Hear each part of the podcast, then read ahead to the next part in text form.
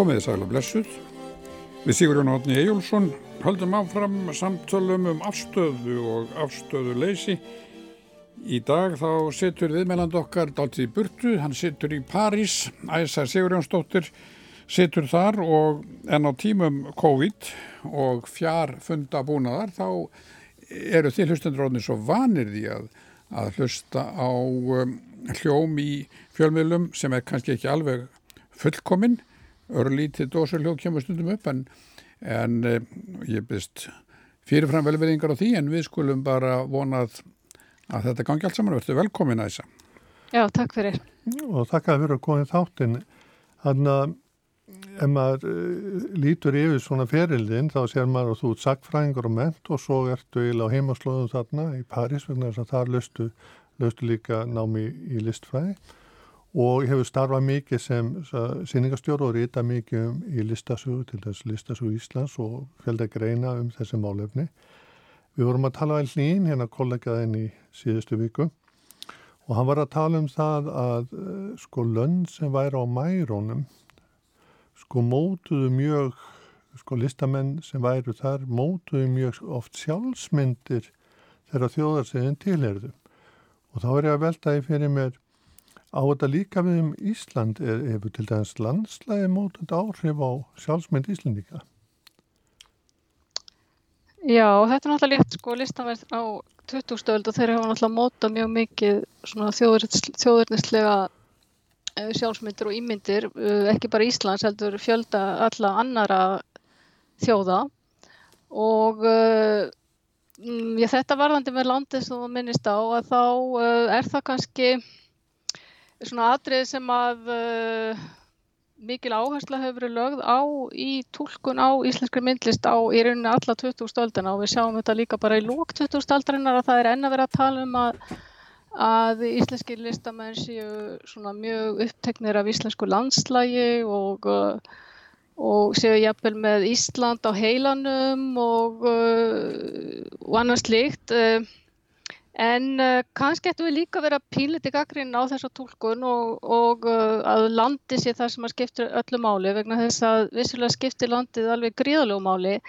en, og tólkum meðlistamann á landinu og þá náttúrulega sérstaklega í málverkinu. Og málverki hefur verið svona svolítið uh,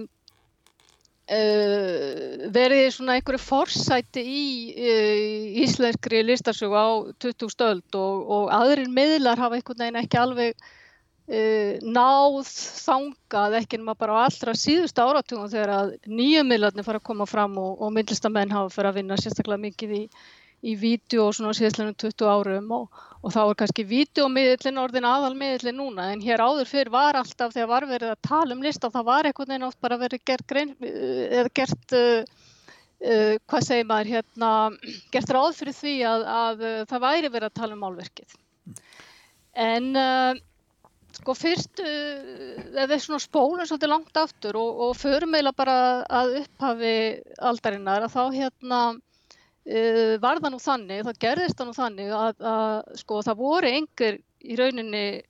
starfandi listamenn á Íslandi á, í lók 19. aldar og í rauninni á 19. öldina þá er bara einn myndlistamæður sem að Sigurður Guðmundsson sem er lærður myndlistamæður og sem starfar sem myndlistamæður og hann deyr náttúrulega frekar ungur, uh, já, jáfnveil mjög ungur 1874 og uh, við getum alltaf sagt að hann vissulega var hann líka að vinna með landið að hugstanlega og þetta nú svona uh, kemur til dæmis fram í, í uh, listasögu Björsti Há að þá minnist hann strax á þetta að, að þessi frægu leiktjöld uh, sem að Sigurður Guðmundsson málaði fyrir uppsetningu á útilögumönnunum og uh, þessi leiktjöld hafa verið svolítið að snúa aftur á svona svolítið skemmtilegan hátt til dæmis bara í samtímanum þau hafa verið, þau eru varðveitt á þjóðmennasefni Íslands og og þau hafa svona skot upp kollinum í ímsu samengin og uh, mjög nýlega til dæmis í, í auglýsingum mm -hmm. og uh, þannig að, að, að þessuna, þú veist, eru kannski þessar landslagsmyndir, þetta er kannski eitthvað svona vofa sem að kemur upp aftur og aftur í, í uh, þá er ekki bara í íslenski myndist, heldur líka í, bara í íslenski sjónmenningu og, og að þú myndist á ferðamanna yðnaðin uh, rétt á þessi, segur hún að þá hérna er það náttúrulega ferðamanna yðnaðurinn að hann hefur náttúrulega verið byggður upp algjörlega í kringum landslæð og upplifun einstaklingsins, upplifun ferðamannsins á landslæðinu. Þú myndist á leiktjöld og þá er maður huga, hugsa stundu til þessar mynda sem er dregin upp á Íslandi til dæginsins og þetta verðist eh, svona að maður að skoða myndir sem voru málaður um aldamóti síðustu alveg fram framöndu síðustu öll, þá er þetta oft myndir, þetta er eins og sé eilift sumar. Og, og til þess myndir af þingvellum, þetta er eins og helgimyndir en yeah. breytist þetta ekki svolítið sko verður ekki líka upplifunin hjá Íslandingum á landinu að landi sér okkveikjandi og krefjandi og ef maður hugsa bara kjarvan, hann málar allt öðruvísi þá er landu orðið einhvern veginn sko ítir viðmanni þannig að þetta er ekki lengur svona eins og leiktjöld fyrir e, fyrir Íslandingin heldur eitthvað sem grýpur inn í sálans og mótar hann Já, sko þetta er kannski svona annars vegar það er það þessi upphafna helgimynd og hins vegar er það uh, þetta sem við tölum þetta okkveikjandi, þetta háleita í náttúrunni. Þetta er náttúrulega kannski líka svona tvær hugmyndir sem að eiga sína rætur uh, aftur, aftur í heimsbygginu og menningasuguna og er því leiti ekki, ekki neitt sér íslenskar hugmyndir, þetta eru bara almennar, almennar evróskar uh, heimsbyggi hugmyndir sem að, sem að koma fram á þennan hátt í íslenskri myndlist nefna á 20. öldun og ekki bara í myndlistinni heldur líka í í ljósmyndum og náttúrulega í bókmyndum líka og þessi hugmyndum um að uh, hálendi sé á ekkert nátt ókveikjandi að uh, hún byrstist náttúrulega svo víða bara í íslenskri menningu til dæmis bara í sögunum um útilugumennina og uh, nú í íslenskri myndlist þá dettum við nú í hug þessi þetta fræga verk eftir eftir Finn Jónsson um beininina stjörnu þar sem að verið er í rauninni að, að gera mynd af uh, sögu sem að uh, Þorgil Skjallandi skrifaði í, í lók 19. aldarinnar þannig að það er svona að koma fram uh, einhver önnur hugmynd um, um, um Íslands landslag heldur en að áður hafi kannski verið ábyrjandi en mér langar aftur aðeins til að uh, spóla svolítið tilbaka og koma aftur að, að upphafinu og, og, og þá sérstaklega svona upphafið þessa íslenska list heims ef við getum kallað hann svo. Ég meina eigum við eitthvað svona sérstaklega list heim? E, við erum náttúrulega mjög, mjög fáminn og eigum ekkert e, við erum að tala um svona 100-120 ára kannski tímabil og, og Uh, og þegar að uh, myndlist hefst á Íslandi uh, um aldamóti 1900 þá er í rauninni mjög fáir að yfka myndlist og, og mér finnst svolítið mikilvægt að skoða hvernig landslæði verður til þá og, og þá sérstaklega hvernig þessi hugmynd um, um, uh, um þetta upphafna og, og þessar helgimyndir sem það varst að minnast á og uh, þá getum við kannski svona bara rifja það upp að í rauninni fyrsti fyrir utan Sigur Guðmursson sem ég nefndi áðan sem er náttúrulega þarna svona algjör 19. aldamadurinn að fyrsti svona aldamóta madurinn, sterkir mittlistamadurinn sem að, sem að kemur hér fram á Íslandi með, með mjög ákvæmna skoðanir á því hvernig mittlist eigi að vera að það er náttúrulega Einar Jónsson myndtökveri. Já, já og kannski gleymist hann svolítið oft í þessar umræði jafnverð þótt að það sé bara fyrir hvað tveimur árum e, þá kom út alveg ný bók sem að Ólar Kvaran skrifaði um, e, um Einar og, og náttúrulega sapn Einar Sjónssona hefur líka fengið svona talsveit nýtt aðdráttur af. Bæði það náttúrulega stendur þarna upp á skólaruhaldunum við hliðina á, á uh, Hallgrímskirkju og, og hérna er svona svolítið kastalið þar svona við hliðin á kirkjun og þarna kemur óbúslega mikið af ferðamönnum og ég held að nú eitthvað af þeim ferðamönnum sem að, sem að svona fara inn á safnið. En ég hef líka tekið eftir því að bara uh, ungir meðlistamenn og uh, listfræði nemar að þeir, þeir eru að horfa á meðlist eina sem er allt, allt öðrum augum heldur en að uh,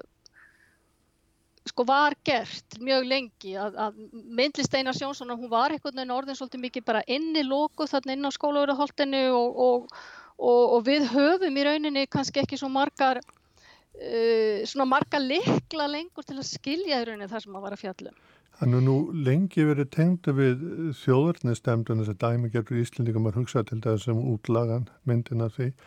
en uh, þú varst að tala um Óla Kvaran, hann hefur verið að benda og hann hefur verið í raun og verið alþjóðleira heldur en maður hefur gerð sig grein fyrir. Já, hann, sko, einar er bara, hann, hún er í rauninu sko þrýst inn í þetta þjóðlega samhengi og, og það eru uh, sko þetta menningapolítiska samhengi sem að uh, ríkir á Íslandi í uh, snemma á 20. stöld, það þrýstir einar í svolítið þarna inn að, að hann náttúrulega upplifir sig uh, þegar hann er úti í Danmörku og í, í Rómaborg sem algjörlega Uh, já, ég held að hann upplýði sig alveg bara sem norrænan, alþjóðlegan uh, myndistamann. Uh, sko hann hafði mjög skýrar og svona afdráttalösar hugmyndur um það hvernig mætti að byggja upp myndlistar umhverju á Íslandi til dæmis og hann lætti byggja þetta fyrsta listasap þannig að, að hann, hann, hann skrifar heilmikið um það hvernig hann hugsa sér sagt, uh, eitthvað, hvað heimsbyggi líka baki hans, uh, hans uh, myndlistariðkun. Og hann orðar að reynda þannig sko, að, að myndlistarmadurinn hann er ekki að vera neitt kópjirsti, hann er ekki að vera verkamadur, hann er ekki að vera yðnaðarmadur þannig að hann segir að listin er ekki að líka eftir veruleikonum heldur er hann alltaf að tala um þessa hugmynd sko, um frumleikan og þessar, þessar nýju hugmyndur, þessar nýju hugmyndur sem hann sem sagt, er að koma fram, með fram í sínum millista verkum og það eru náttúrulega það er náttúrulega fyrst og fremst symbolismin sem að þýski symbolismin og norræni symbolismin og kannski einhverju leiti svona Uh, áhrif hans eins og þau byrtust áhrif þýska symbolismans eins og þau byrtust í Fraklandi nú uh, það verður stundu verið að tala um þetta sem ný idealisma líka það er sem sagt verið að skapa algjörlega, hann er að skapa algjörlega sko nýtt myndmál, jú vissulega nýtt myndmál í íslensku samhengi. e, og hann er að búa til ný tákn og nýjar, nýjar bara myndlíkingar og það er veginn það sem hans hérna uh, sko myndlist bara í að högmyndalist uh, kannski þetta orð högmyndalist er náttúrulega ekki mjög gott að myndir á sér er náttúrulega ekki högnar sko, mm. en það eru þann mótaðar og uh, þannig að, að hann er svona á kafi sko hann er á kafi í Guðsbyggi Og, og þessi svona Guðsbyggi áhugi uh, einars og, og það hvernig hann kemur Guðsbygginu svona inn í sitt myndmál og þetta hefur mjög sterk áhrif á menn eins og, eins og kjárval. Er það ekki með það báða að þeir yfirgefa svolítið þessa þjórnarslegu áherslu og, og er ekki það að vera líða hans og öldina þessi sumalandsmynd og þessi þjórnarslega áhersla hún hún aðna listamenn vil ekki pást eh, sko vera ja, settir í það form og maður hefur á til, tilfinningunni að að þegar borgamyndunum kemur og þá koma, kemur svolítið önnu sín á Íslendingin og þá komur svona tilvistalega og stjættabáráttulega temi inn sem listamenn taka upp til þess að reyna að tólka samtíma með. Er, er sko, getur maður sagt að þessi þjórnarslega mynd uh, sko, það tækist ekki að ná utanum alla listamenn að þeir brjóti skoðin út úr henni. Ég ætla að verða til fylkingar að, að myndlistamenn fara náttúrulega að uh, þeir fara að skipa sér í fylkingar mjög snemma og, og það náttúrulega gerist kannski fyrst svona í kringun alltaf 1935 þegar Finnur Jónsson kemur heim frá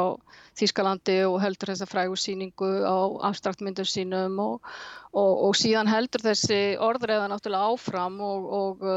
og menn eru annars vegar sem sagt alþjóðsinnar og svo kannski hins vegar þjóðverðnisinnar en þessi svona þjóðverðnislega myndlist ef við erum að kalla hana gefinni því að það nafna, hún náttúrulega verður líka mjög sterk en hún kannski Uh, við þekkjum hana, við þekkjum hana í uh, verkum Ríkars Jónssonar, við þekkjum hana í verkum Skujón Samuelssonar, uh, nú Finns Jónssonar sem ég nefndi áður því að hann snýr eiginlega alveg við blaðinu. Það er kannski svolítið svona annað mál sem við getum ekki, höfum ekki tíma til að fara kannski beinleginis út í og mjög flókiðurinn og af hverju hann gerir það og, og kannski ekki beinleginis neitt eitt svarið en einn skýring þar að baki. En uh, uh, það er ekki beinleginist kannski hægt að segja það að þessu þjóðnislega uh, að myndlistamenn bara, það er kannski ekki fyrir í kringum bara 1950 sem að, sem að þetta þjóðnislega mynd, myndmál er algjörlega, maður sér það ekki lengur sko, en hérna uh, og þetta fer kannski svo leitu út í eitthvað svona þjóðverðniskits sem við getum kannski kallað svona hönnunarkits. Mm. uh, sem að síðan hefur auðvitað uh, átt greiða leið inn í ferðamanna yðnaðin til dæmis það að búa til einhver svona vikingaþorp eða uh, ímynda sér að það sé hægt að búa til einhvers konar hérna fordleifar á Íslandi. Að þetta er náttúrulega svona ákveðin grein af þessu þjóðurniskitsi sko. En kemur þið þjóðurnislega ekki aftur inn með nokkar svona aðrar áherslu með káranhjúkavirkjun? Maður sé til dæmis að fyrir enn tíma til þess að, að lýsa þessu þannig að þessar sumar þessar myndir sem er málað upp á hálendurinn mjög sko það er viss ægifegur sem kemur það fram og mikið eh, náttúrun er mjög mótandi En svo með káranhjúkavirkuninu og svolítið stáður allt hérna náttúrun orðin eitthvað hér á Íslandi sem þarf að vermda og maður hafði á tilfinningunni að þetta svona að hún varð að einhverjum helgidómi sem þurfti að varveita menn fór upp á, upp á hálendi það er mjög í tísku Ísland að lappa upp á hálendi og verða fyrir einhverju upplifun að upplifa íslenska náttúrun og líka við hans í trúaleg og svo er fara, þar að vemdan og svo framins, er, er eitthvað þarna eitthvað breyting sem á sér stað þegar er að berjast gegn virkunum og slíku? Já, það er, er náttúrulega upp úr 1970 sem þetta kemur fyrst fram og, og, og þegar að farið er að ræða um, um, um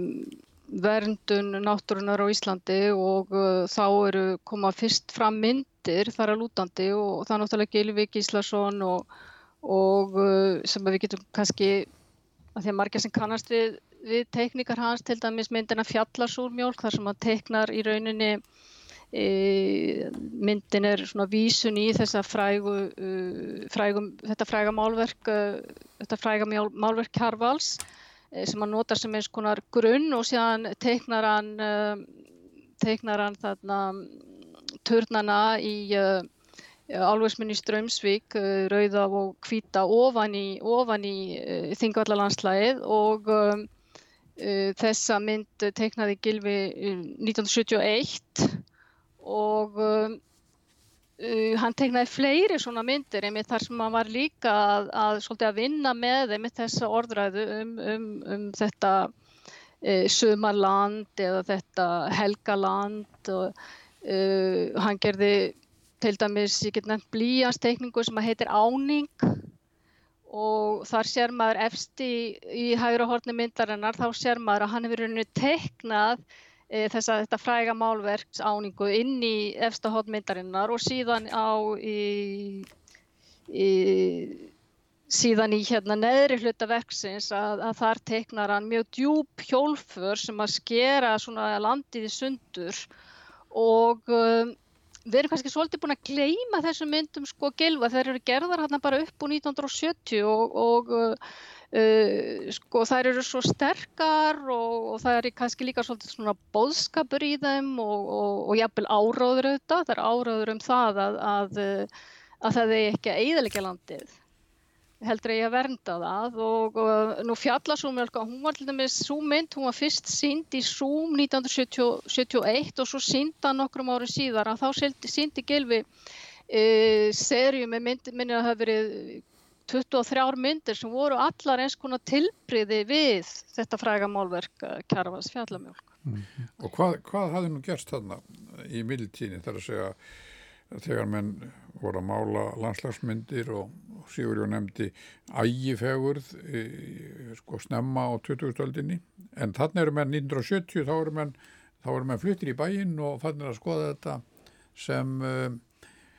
hvað var að segja sem nútíma Íslandingar e, sem búa í, í borg og, og e, líta segja fara út í sveit til að njóta náttúrunar og vilja verjana, verndana ég held að þarna sé nú fyrst og fremst bara mjög pólitískar hugmyndir sem að verið að, sem, sem verið að koma áleiðis og, og það sem að uh, var að gerast í, í íslenskum þjóðmálum upp úr 1970 og það er náttúrulega fyrsta stóra virkunin, búrfælsvirkun mm. og það var mjög mikil umræða í samfélaginu um virkjanamál og, um, og um náttúrun og það eru þarna líka verið að uh, sko undirbúa uh, fyrsta þjóðgarðin og öll þessi umræða og orðræða hún kemur sent til Íslands í rauninni. Hún kemur ekki fyrir henni upp úr 1970 til Íslands þessi hugmyndum verndu náttúrunar og þessi hugmyndum það að það þurfa að byggja þjóðgarði og annars líkt þegar, þegar þessar hugmyndir eru uh, svíþjóði í bandaríkjanum til dæmis miklu miklu fyrr. Já, já. Þannig að það er líka svolítið aðdeklisvært hvað þessar hugmyndir koma seint og í reyninni hvað hérna, allir þessu áratúr, sko 8. áratúr, að það er náttúrulega líka þessa áratúr sem að, sem að, já, íslensku myndlistamannum hefur fjölgað mjög mikið. E, e, þeir eru orðinir kannski á vissan hátt, uh, sko meiri svona aðgerarsinnar heldur en voru áður. Við erum að fara að sjá fyrstu gjörningana. Uh, þeir eru svona miklu herskári heldur en voru áður og þetta kemur náttúrulega líka fram í, fram í, í uh, grafíkmyndum sem á voru mjög vinsalar á þessu tímabili og þá dættum við í hug uh, seri eftir Agnæði Jónsdóttur þar sem hún er einmitt að, að uh, gaggrína umgengni mannsins á náttúrunni og uh, kannski var þetta líka svolítið bara eins og öll einhverjus orðraða núna, hún uh, er ekki bara bundin við Ísland heldur hún bundin bara við allan heiminn og, og um, og það sem að myndi Ragnar með mann eftir einni sem heitir til dæmis 2010 uh, sem er svona, þar er hún að setja fram eftir fram einhvers konar framtíðarsýn. Að þá er hún kannski ekki bara að vísa til Íslands heldur er hún hugsanlega að vísa bara til uh, heimsins almennt og á þessum tíma þá var náttúrulega verið að fara að tala um uh, uh, alla þessar hluti sem við erum að tala um núna og við kannski gleymum því að þetta er ekki alveg ný umræða. Mm. Hérna, þú tegndi þetta við pólitík og ég var að hugsa um í því sammengi um sko e, hvað við Íslendingar höfum oft verið fúsir að, já, lagsins talar um að selja landið og, og ef útlendingar vilja eitthvað þá, þá gefur það alltaf eftir að það er eins og við sem svona nýlendu þjóð sem erum alltaf að þóknast herrónum og ég var svolítið hissa þegar ég fór, eh, ég var frættur um hérna myndana hennar Róluðu Nordal um gerfuglin. Það sem er, hérna, þessi gerfugl sem er, er ekki á Seltjarnanessi sem er hann þar út í sjó og hann horfur út í eiginu það sem síðusti gerfuglin var drepin. Það sem, ef við minnir rétt, þá voru danir eða englendingar sem vildu fá að stoppa upp síðasta gerfuglin og Íslendingarnir fylgdu þeirri kröfu og og hérna drápan þar út í eigu og hún býr til álfugl og þetta er í miðju káranjúka umræðinni og þá sér maður að þarna er hún ekki bara pólitísk heldur hún verist líka vera svona aðeins að taka á íslenski sjálfsmynd á svolítið annan máta heldur maður er vanur. Stennst þetta? Já, Ólef er náttúrulega, sko, nú erum við kannski búin að tala svona, bara við erum búin að fara mjög hratt yfir ja, og, og hérna, uh, ég myndi svona á þessa kynslu sem kemur fram þarna upp úr 1970 sem er mjög sterk í íslenskri meðlist og síðan koma náttúrulega, kemur náttúrulega önnur kynsluð, það er svona kynsluð Ólafar sem að kemur fram, sko, í lók 20. aldar og fyrir að sína uh, upp og, já, eða semst alveg svona í, í kannski kringum 2000 og rétt fyrir 2000 og svo er þetta náttúrulega líka þeir meðlistamenn sem að við eigum núna sem eru konið með svona langan og aldrei sterkan feril eins og við sáum á hérna yfirlitsýningu Ólafar sem var, var e, e, opnið í e, oktober í fyrra og á kjærvalstöðum En uh, sko þetta er alveg rétt Ólaf hún náttúrulega kemur, uh, sko, hún fer til bandaríkjana og fer í nám, uh, fer í nám og er í Yale, í millistadeildin í Yale og, og, og, og þar svona kemur hún inn í svona, svona þessa gaggrínu postmótunísku hugmyndir. Kynist hún svona þessum gaggrínu postmótunísku hugmyndum og hún fær kannski svolítið svona nýja sín á íslenska menningu í þessu námi sínu, hún hefur talað um það, hún hefur hlumist talað um það hvað hún upplýði, hvernig hún upplýði sjálfan sig. Og uh, það vissi enginn hvar Ísland var og hún upplýði sjálfan sig sem hérna að Ísland væri bara í rauninu svona pínlítið, uh, pínlítið nýlenda þarna nyrst í hafi og uh, þetta kemur svona fyrst mjög stert fram í, á síningu sem hún heldur skömm eftir að hún kemur heim og, og síningu sem hétt Hvítir Hrafnar. Og, uh, og það var náttúrulega svona mjög gaggrinnin síning sem að svona síndi, sem ég held að mjög margir hafa kannski ekki alveg, ef maður fyrir að lesa svona það sem hafa skrifað í síningun á þeim tíma þá sér maður að að, uh, að þessi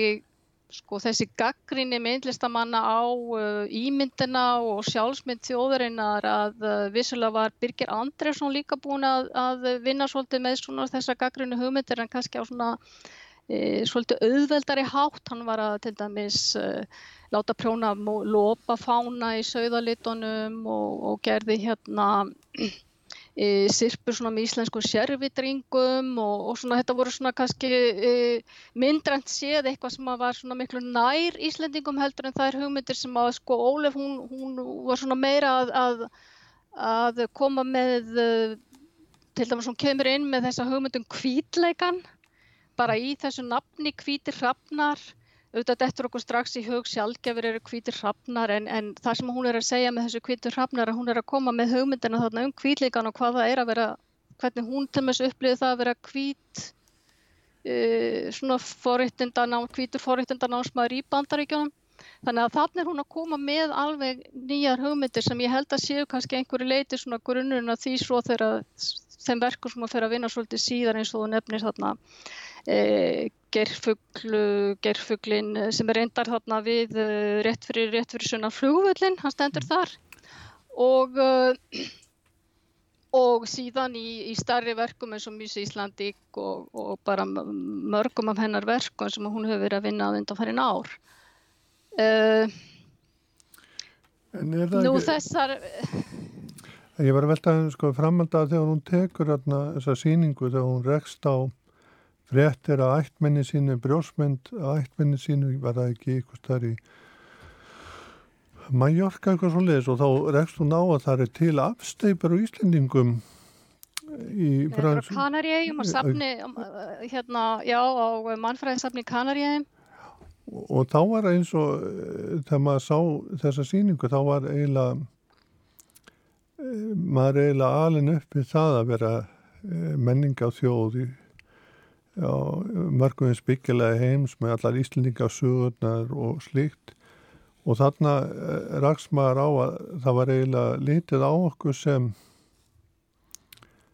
já sko að við erum nýlendu þjóð og að litið á okkur mjög lengi þannig að það er eins og við hafum neitað í.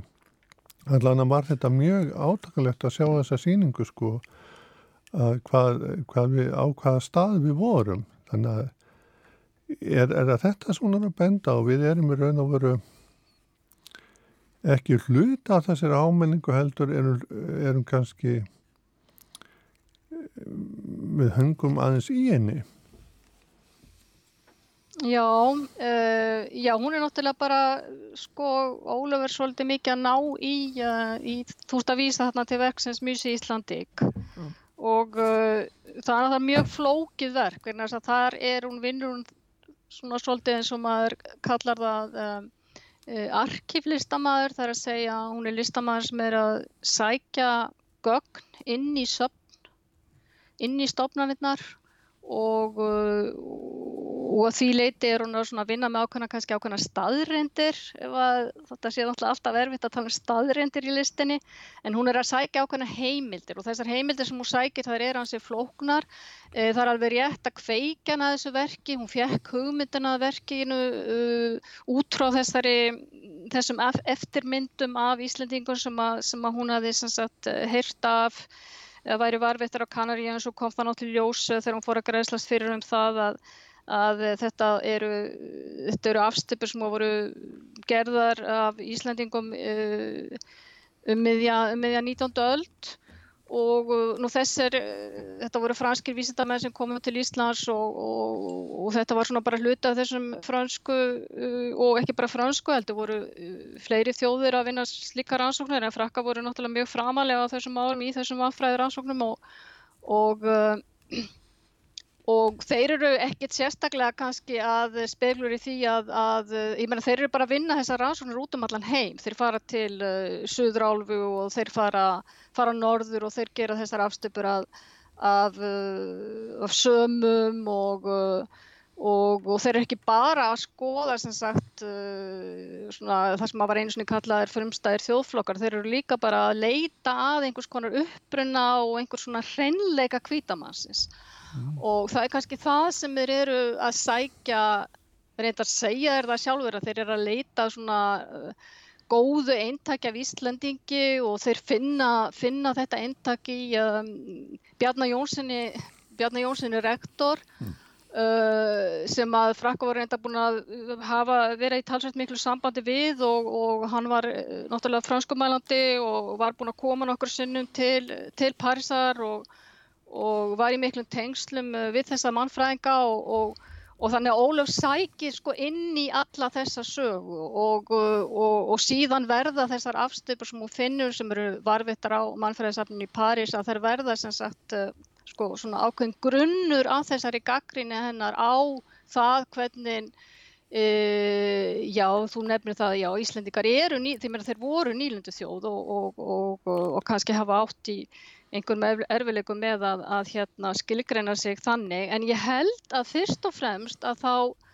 þá hérna, sko alla 20 stöldina þegar maður fyrir að lesa svona uh, heimildur um það hvernig Íslendinga vildu skilgreina sjálfa sig bara alveg frá því snemma á 20 stöld og þá var alltaf sérstaklega í þáttöku á alls konar svona heimsýningum og öðru slíku að þeir, þeir voru svo það skiptaði svo óbúslega miklu máli að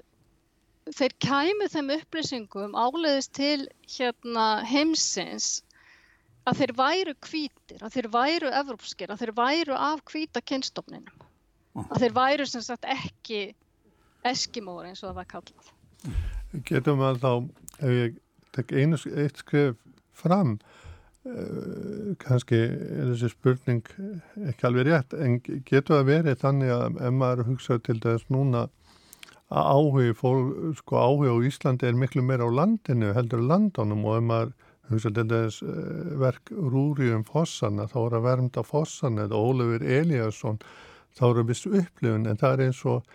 Íslendingurinn og landið það sé eitthvað skil þarna klopningur þarna á milli að landið fá alveg sjálfstætt vægi án Hún innbyggjar hana Já, án, já, þetta er eins og og þetta er eins og sko þetta að við erum hægt að tólka okkur sko að landið sé orðið eitthvað sem þurfa vermda að virða sem slíkt en er ekki lengur þetta sem uh, þessi eh, eins og var á 19. öldun að það móta okkur frá grunni Getur það, er eitthvað breyting þarna eins og að færi frá þessari sjálfsmönd yfir á landi sem slíkt. Nú er hérna, Ólafur Eliusson, hann er ekki bara sko hann er eiginlega alþjóðlegur í sko áhrif hans eru alþjóðleg. Hann verið snert ykkur á taug sem snerti fleiri, fleiri heldur nokkuð bara Já, Ólafur Eliasson er náttúrulega ekkert í rauninni þannig að fjallum Ísland í sínum verkum sko að, Ísland er vinnustofa fyrir hann og, og hann er að fjalla um, í sínum verkum er hann að fjalla um fyrirbæri eins og hann er að fjalla um náttúruna sem fyrirbæri hann er að fjalla um það hvað það er að upplifa uh, þóku, hvað er það, upplifa hita og kulda og, og, og þetta er náttúrulega hvað er upplifa veðrið. Nú uh, uh, þvíleiti er hann í rauninni ekki að fjalla nýtt um Ísland. Hann uh, er hálf íslenskur, nei er íslenskur, alíslenskur en, en hérna, en náttúrulega mikið alveg upp í Danmörku og hefur náttúrulega líka svolítið svona þessa sín útlendingsins á Ísland en, en hann hefur sjálfur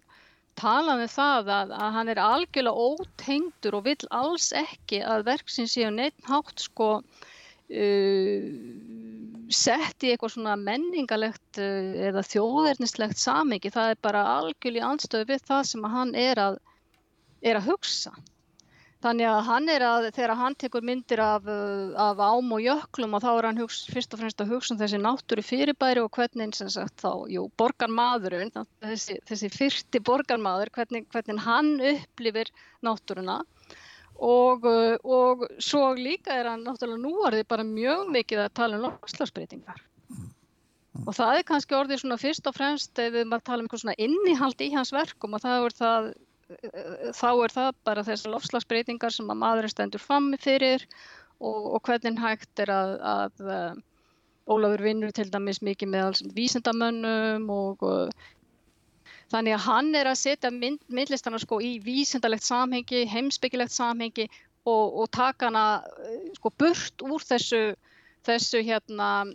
menningar samingi sem að, sem að íslenski myndlistamenn hafa alltaf verið náttúrulega mjög, sem kannski alveg eðlilegt, hafa alltaf verið mjög tengdir sko þessu menningarlega samingi og, uh, og Ólafur til meins þegar hann uh, fyrir daldur mörgum árum þá stóð hann fyrir síningu og verkum Kjarvals í Danmörku og þá einmitt lagða mjög mikla áherslu á það að hún Kjarval hefði, hefði verið mjög mikilvægur fyrir hann vegna þess að, að uh, í verkum Kjarvals þá hefði hann e, upplifað að náða að skilja íslenska náttúru alveg nýjan hátt. Og, e, og hann talar einmitt um það í viðtali e, með minnara sem byrt í síningarskránu sem var gefin út e, í, hérna, í tilipni að þessari síningu sem heit Lavaland að, að hérna uh, Kjarval væri alltaf, sko, Íslendikar hefðu lokað Kjarval inni í þessu þessari menningaljú og svona þjóðverðnislegu þessu þjóðverðnislega ramma hann hefur byggt í kringum hann svona einhvern varnargarð mm. Og sem að er að sem leita alveg rétt og, og, og kannski líka ein ástæðan fyrir því að að, að kærval, það er alltaf mjög erfitt að tala um kærval til dæmis erlendis og, og það hefur verið erfitt að sína kærval erlendis og hann hefur ekki kannski Uh, sko það gæti alveg átt eftir að koma. En uh, Kjarval er enn svona svolítið lokaður inn í þessu, þessu Íslands samhengi sko. En eru, er þetta sérstækt fyrir Ísland? Það er að segja nú eru íslenski millistamenn eins og þið hafi nefnt hérna hafa, hafa lært erlendis og, og koma með ströma erlendis frá og taka einhverju leiti þátt í einhvers slags samræðu sem á sér stað og fylgir tíðaranda heimsins en er, er einhver meiri tenging við menningalega samhengið við Ísland heldur en gengur og gerist í heiminum? Já, ég held að hún sé ansi, ansi sterk á Íslandi, einmitt vegna þess sem að, sem að hérna, þessa nýlundu samhengi sem við vorum að tala um og höfum verið að tala um áður að, og hversu sko myndlistar, bara myndlistar umhverfi, listheimur, myndlistar mentun, allt þetta kemur svo sent til Íslands vegna þess að það kemur svo sentinga vegna þess að við erum nýlundu þjóð og við erum svona fámenn og erum svona fátak og það voru enga liststofnanir hérna og það kemur, og það tengist þess vegna tengist þetta allt svo mikið hérna umræðinu sko snemma á 20. öldinni þessum hugmyndum um það hvernig list, það verði að verði að byggja upp einhverja liststofnanir, það sé bara hluti af því að verða sjálfstætt ríki. Mm. og, og hérna uh, nú myndlist að mentunin í landinu, hún er náttúrulega mjög lítil. Og, uh, og þess vegna sko verður uh, einhvern veginn uh, kannski mentun myndlistamanna uh, já, svolítið brotakent og um, og menn svona loka þetta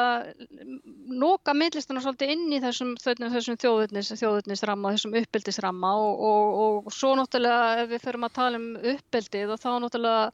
e, sjáum við það líka að, að þegar verið er að snemma á öldinni og það eru margar, margar heimildur um það að hérna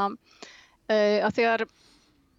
menta mér að tala um myndlist og útskýra það af hverju mikilvægt sé að eiga listamenn, að Ísland eignist listamenn og þetta er svona mjög háfleg orðræða, að þá hérna uh, er það yfirleitt í þeim tilgangi, það er í mentunatilgangi. Það er semst verið að hugsa um það að myndlistin og hún eigi að vera svona einhvers konar svona fagurfræðilegt uppeldi í Íslendinga. Mm -hmm. og, og hérna þannig að uh, ég held að þetta skiptir svolítið máli upp á það sem að eftir á að koma að uh, þannig að sko það er eins og miðlistamæður og Kjarval til og með tala mjög mikið um þetta að hann talar um þetta hlutverk að miðlistamæðurinn hafi eitthvað svona hlutverk hann sýr hún ekki alveg frjáls og það er þetta pólitiska hlutverk sem að sem að, sem að hérna Kjarval til dæmis var, já tók bara mjög alvarlega og skrifar mikið um og, og hérna og, og margir fleiri. Nú myndist á Einar Jónsson hérna í upphafi. Uh, þannig að, að, að svona staða myndlistamannsins hún verður líka svolítið að þetta kortleggja Ísland, það er tala um að þau þurfa að gera myndir af landinu Uh, gera það sínilegt, uh, búa til sjónarheim og allt þetta. Þetta er allt svona þessi, þessi orðræða og, og, uh, og það er nú bara mörg fleiri dæmi um það í myndlistarsögunni að svona sko myndlistar menn þeir hérna í svona litlum, litlum ríkjum, litlum löndum, ungum ríkjum að þeir hérna um, sko kortleggja svolítið landið oft. Mm, mm. Getur verið að núna að það sé komið þannig að landið og náttúrun sé að fá e, mikið allt vægi án þjóðarinnar. Það sé búið að hrist afsýðis að þjóðarinslegu sín og nú eins og varst að tala um Ólaf Eliasson að þá er Ísland eiginlega bara orðið tákmyndi að tæki til þess að koma að vissi náttúri sín og, og sem er mikilvægt sambandi við umhverfisvend og ymmislega svona en það er eins og náttunum fá sjálfstætt vægi án þjóðarinnar og nú vil ég vera svolítið eh, kannski pínlindi kvíkinislegur er það þetta sem er hafða til í til þessi ferðmæðinanum þegar við erum að auglýsa landið? Já, alveg örglega sko Ég held að það sé bara svona líkið svolítið í augum uppi að, að uh, þegar að við sjáum, ef við flettum í gegnum allar vefsíðunar sem eru að auglýsa Ísland og þessar auglýsingaherrferðir sem að, sem að hérna, ríkistjórnir hafa, hafa sagt, ítt úr vör. Uh, það var nú fyrst þarna, já það hefur verið margar og, og það er einni byrja, menna, það eru herrferði til að kynna Ísland uh, sem byrja á 5. og 7. áratögnum, það er nærsóldi langt aftur í tíman en maður fyrir svona bara innblýna það eins og ef við hugsaum bara um þessar nýjustu herrferðir eins og Inspired by Iceland og fleiri, að þá er það náttúrulega svona kannski tvent sem að það er landið, það er verið að, að, að hérna Uh, sína þessa íslensku náttúru og hversu sérstökun er og hversu frábært það sé að upplifa hana. Og svo er líka Íslendingurinn alltaf settur pínlutið í þetta hlutverk sem að uh, uh, hann er alltaf svona pínlutið þessi annar, hann er svolítið sérkennilegur. Nú Björk, hún spilaði náttúrulega heilmikið inn á þetta þegar hún var að vinna með að byggja upp sína sjálfsmynd eh, sent á 20. öldinni og, og, og svona hvað Íslandingurinn er sérstakur og öðruvísin aðrir, það er mikið spilað inn á þetta líka þannig að það er líka svona búið til, það er ekki bara það að allir þjóðunni sé uh, ítt í burtu, nú náttúrulega líka heilmikil, heilmikil áherslu á það að, að